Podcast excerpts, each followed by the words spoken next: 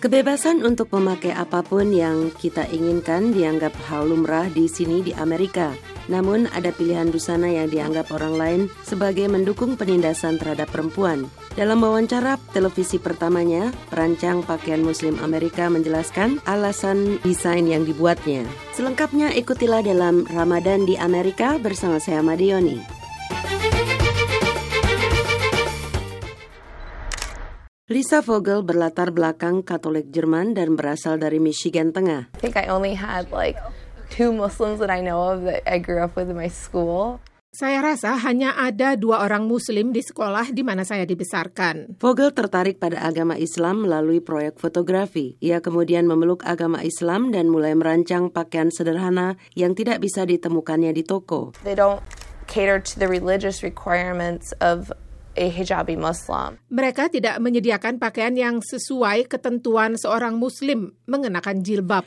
Vogel memulai koleksi Verona, merek pakaian sederhana yang menampilkan jilbab dengan warna-warna yang mencolok. Vogel membuka toko eceran di Florida, tetapi ia mengubahnya menjadi gudang setelah sebuah rantai toko serba ada besar tertarik dengan koleksinya.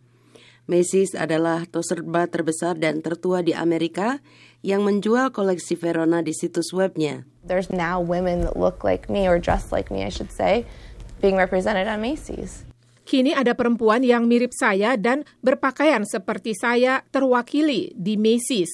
Namun tidak semua orang setuju dengan perkembangan ini. Sebagian menyebut perempuan Iran yang dipenjara setelah melepas jilbabnya di depan umum atau perempuan Suriah yang membakar burka dan jilbabnya setelah ISIS kalah. Ada tweet yang menuntut pemboikotan. Satu tweet mengatakan Macy's mendukung penindasan wanita. Bukannya mundur dari kontroversi, Vogel mengatakan ia menawarkan pilihan untuk perempuan muslim. What's happening overseas has nothing to do with me.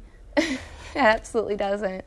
I'm here just offering clothing options. Apa yang terjadi di luar negeri tidak ada kaitannya dengan saya. Saya di sini hanya menawarkan pilihan pakaian. Pilihan ini mungkin bisa membantu kelangsungan hidup Macy's yang menutup 100 tokonya dalam dua tahun terakhir. Secara global, konsumen menghabiskan sekitar 250 miliar dolar untuk busana muslim. Tapi ini merupakan topik yang sensitif bagi perempuan yang dibesarkan di Iran, termasuk aktivis hak-hak perempuan Parvena Hosseini.